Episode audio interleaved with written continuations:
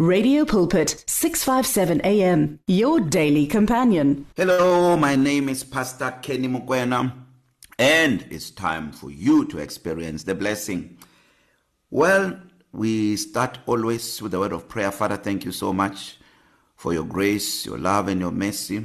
I honor you, Lord. I celebrate you. Thank you, Lord, for this opportunity to be used by you to minister your word to your people. Thank you for the grace to rightly divide the word of truth. I pray for every person under the sound of my voice that will touch them and make everything perfect for them, even as they hear your word. In Jesus' name, amen and amen. So, today I want to um, um, tell you a little bit about who I am because a lot of people, you know, they, they listen to this show, but They don't know who is this Pastor Mkwena. They think I'm an angel or something. So um, I pastor a church called Blessed Generation Church in Centurion. Um, I've been ordained for a number of years right now. I was ordained actually in 2015, but I started pastoring a branch of our church in 2011. And I tell you, I have seen God in my life in so many ways. I received the baptism of the Holy Spirit with the evidence of speaking in tongues in 2003 and immediately after that something supernatural happened. God ignited a fire and a passion in my spirit you know for prayer and for his word. This is how my calling was defined. A, a supernatural hunger I cannot explain for his word. I became hungry for his word. I just wanted to hear the word of God all the time. I wanted to hear the word of God and that has not changed up until today. And God gave me an instruction to start praying every day in the morning. So I would start my prayer 5 a.m. That's how I started. I'll pray 5 a.m. for 1 hour every day for the longest of time and man I experienced God in a mighty way. The things that I know about God, there's a lot of things that I've learned from other men of God and my apostle who raised me up but i want to tell you what has marked me and defined my calling.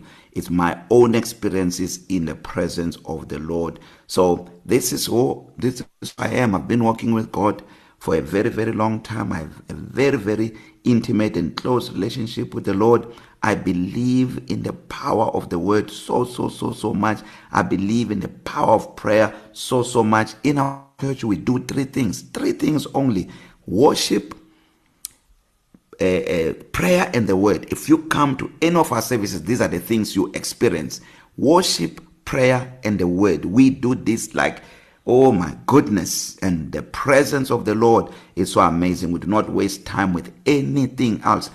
Worship prayer and the word. These are the three things that defines our services and and and and we have come a long way with god because the things that i'm sharing with you in this show i'm not sharing you you know with you things that I've read somewhere things that I've heard other men of God talk about. No these are the things that we have experienced in our walk with God. And and and this is why I I feel so important for me to explain this to you so that when I tell you that God you know is in the move and it looks for people that are moving this is exactly what I've experienced in my own life. We have done so many things that are supernatural so many things. Even our our crusades that we run you know on a monthly basis. These are are, are, are things that we do that are so demanding but we do them with so much grace because when we have been with God and we have experienced God in the secret place when he tells you to do something you he you already know that he's telling you to do something because it's already done. So I'm not encouraging you to move forward to rise up from your circumstances because I've read Isaiah 60 and tried to give it an interpretation. No, this conversation we're having right now, manifesting the blessing, it's something that God has dealt with me over the years and I've seen God instruct me to do something and ignite and you know propel me in the inside to get into action and every time literally every time I get into action I see God move. Actually, God started doing this with me even when I was in the in in the marketplace. I, I'm still in the marketplace, but you know, uh, I'm I'm fading slowly because the work is so so much. So I'm a lawyer by profession. I've been practicing as a lawyer for 23 years for 23 years and walking with God at the same time. I've been in full-time ministry. I've always been saying that I'm full-time in ministry and also full-time doing business but I can tell you it is no longer possible for me to continue to practice law because God is calling me. I feel it. I'm still in the profession but I feel it so much because the work is so so so much. I mean the things that we do I send devotions daily devotions to our members on a daily basis. Every morning I wake up every morning I send them a written devotion and I send them an audio devotion including all the people that watch our television shows. Um we start every month every month without fail. The first 5 days of the month we started with a um, 5 days of prayer and fasting. We since we started our church it's been 5 years now pastoring this church that I'm pastoring now. First 5 days we pray and we fast. We have got blessed school of ministry that runs every monday and every wednesday. Uh, we started this last year uh, in 2022 in february. We, we we we run that and we run crusades. Like we we also run our ministries. We have got so many ministries in our church. Blessed couples blessed singles blessed teens you know blessed children you name them. And we run all these programs. They are so so so so demanding. And over and above that we've got shows countless television shows on on or, or where we, we we run different programs on TV we do shoots you name them. We also do community outreach projects. The first saturday of every month after our 5 days of prayer and fasting we go into the communities to minister to people. So the things that we are doing are so so much. And in the middle of that we see our members as well that are going through different things. So it is proving to be very very very very difficult for me to still fit in my practice into it. As a matter of fact this year i hardly did anything much in terms of our practice. I've been focusing on the work of the lord because god keep propelling us to say keep moving forward keep moving forward keep doing this and do that and the work is too much. And let me tell you the secret of it is when god say give you an assignment and you don't wait for circumstances to become conducive and become favorable you move on with it. The moment you master it god give you another assignment another assignment and open opportunities here open opportunities there. Send people to come and help you with you with with the ministry. But if he give you one simple announce uh, uh, um, assignment and you are waiting he says arise shine. This is the time. I'm not relying on you. I'm relying in on myself in you. This is what this message that I'm sharing with you it's all about. Manifesting the blessing. We manifest the blessing by manifesting the light. God will not give you an assignment based on the balance of your bank account. God will not give you the assignment based on the fact that you have a lot of time. He will not give you an assignment based on anything that you think you have. He will give you an assignment because he trusts himself to fulfill that assignment. What is looking for is a vessel that is willing a vessel that is available. That is why Isaiah chapter 1 verse 19 uh, says if you are willing and you are obedient you shall eat the good of the land. It's one thing to be willing but not to be obedient. It's another thing to be obedient but not be willing. The two combination is very important.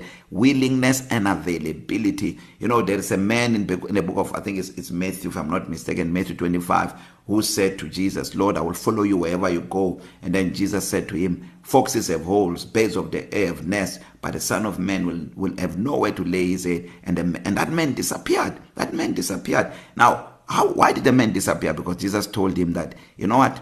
When i get into action i get into action. I do not consider circumstances. When it is night, I don't look for a house. Where I end up, that's where I that's when it's become dark. That's where wherever I am, that becomes my house. Are you willing to follow me? And this is what God is saying. We cannot observe circumstances. We cannot observe the clouds before we can we can we can we can sow. We cannot observe the wind before we can reap. No, when God says go, you go. And the great commission is that you go you don't go by because circumstances are conducive you go when it says arise you do not arise because things are favorable around you. No you arise because this is the time and the season for us to arise. Jesus is coming back very soon my brother my sister. He must never find you idling. He must never find you unproductive. You know uh, jesus says something. He says in that day i will say to my servant well done my good and faithful servant. Not well done, my good and faithful Christian. No, my faithful servant, because we are called to serve. Jesus Christ came into the scene. He says, I did not come to be served. I came to serve, to give my life a ransom to, to many. And this is what we see also in Second Corinthians chapter 5 when we read verse 14 it tells us that if one dies for all and then all die it says those who now live no longer live for themselves but for him who died and was raised up for them so Jesus came to give his life as a ransom to many he came to serve and this is what we are also we, we are also called to do to fellowship in his suffering to participate in what Jesus Christ stood for. Jesus did not come to earth to enjoy the comfort of earth. There's nothing wrong with enjoying the comfort of earth but there is a time where we have to deny ourselves pick up the, our crosses daily and follow Jesus. So this is my encouragement to you. The text that I've been using for this message is Isaiah 60 verse 1 which says arise from the depression and prostration in which circumstances have kept you. It says rise to a new life, shine, be radiant with the glory of the Lord for your light has come and the glory of the Lord has risen upon you. And I've been encouraging you to say this message is a call to action. It's a call for us to begin to manifest the blessing, to manifest the light, because this is what God is calling us into. God is calling us to move forward. Jesus in the book of John 8, verse 12 says, He who follows me will not walk in darkness, but shall have the light of life. And uh, we are called into the light of life and Jesus Christ is the light of life. He's the life that gives light to all men. In him was life and the life was the light of men. You know when Jesus said something very powerful in the book of Matthew chapter 6 verse 23 it says it says the the the, the light of the body is the eye. The light of the body is the eye. He says if your eye is single your whole body will, will be full of light. But if the light that you have is darkness. He says the whole body will be full of darkness. And then he says if the light that is in you is darkness how great is that darkness? What is jesus talking about here? How do you see? Do you see by the flesh or do you see by the spirit? May i know at this time we need to see by the spirit because the light of the body is the eye. The eye that eye that see the way god sees that eye that's that does not see impossibilities it sees possibilities. That eye that does not see circumstances but it sees god in action. Look at look at to give you an example of the eye that see by the flesh look at lot when he separated with abraham. The bible says he lifted up his eyes and he saw the plains of sodom that they were well watered like the garden of the lord and he chose to go to Sodom. And guess what? He ended up with nothing because he saw by the eyes of the flesh. His actions to move forward was not propelled was not guided by the Lord. He saw by the flesh. He looked at physical condition. Look at Abraham. Abraham did not see by physical condition. Immediately after I separated with Lord God said now lift up your eyes. Now Abraham saw by God and the Bible tells us everywhere he went he raised an altar to the Lord and called upon the name of the Lord and he kept moving forward because when God called him out of his country out of his family out of his father's house it was a call to action and he began to move. Even Abraham in Genesis 22 God said the Bible says God tested Abraham. He said he said Abraham take now your son your only son Isaac and go into the mountain that I will show you to sacrifice him there. The bible says abraham departed. Abraham got into action. Every man and woman of god that you can trace in the scriptures these are men and women who when they were called into action they did not observe their circumstances. Look at look at peter when he was called. He had just caught his greatest catch. And Jesus says follow me. The bible says he left the nets he left the fish he left his father there and he began to follow Jesus. Same thing with Matthew was in the booth as a tax collector. He says follow me. He left everything and he followed him. This is what God is calling us to do. We do not observe circumstances. Do not observe our conditions. That's why I'm even sharing my personal testimony with you now to say I feel God is saying to me go and I'm ready to go. I'm already in action but God wants more. So let's give God more. I'm not inviting you by any means to quit your job. No continue to work until he tells you to do until it's impossible for you to do your work and do what God has called you to do. So I've run out of time. I want to pray for you. If you're not born again have not made Jesus the Lord of your life just make this prayer with me. Say Lord Jesus I receive you now as my Lord and my savior amen and amen if you made that prayer you are born again or my brother or my sister I will see you in heaven. I love you so much. God bless you and may you experience the goodness of the Lord every moment of every day. God bless. Give your faith wings. Explore life with 657 AM. 657 AM. Well, there is a time to search and a time to give up, a time to reap and a time to sow.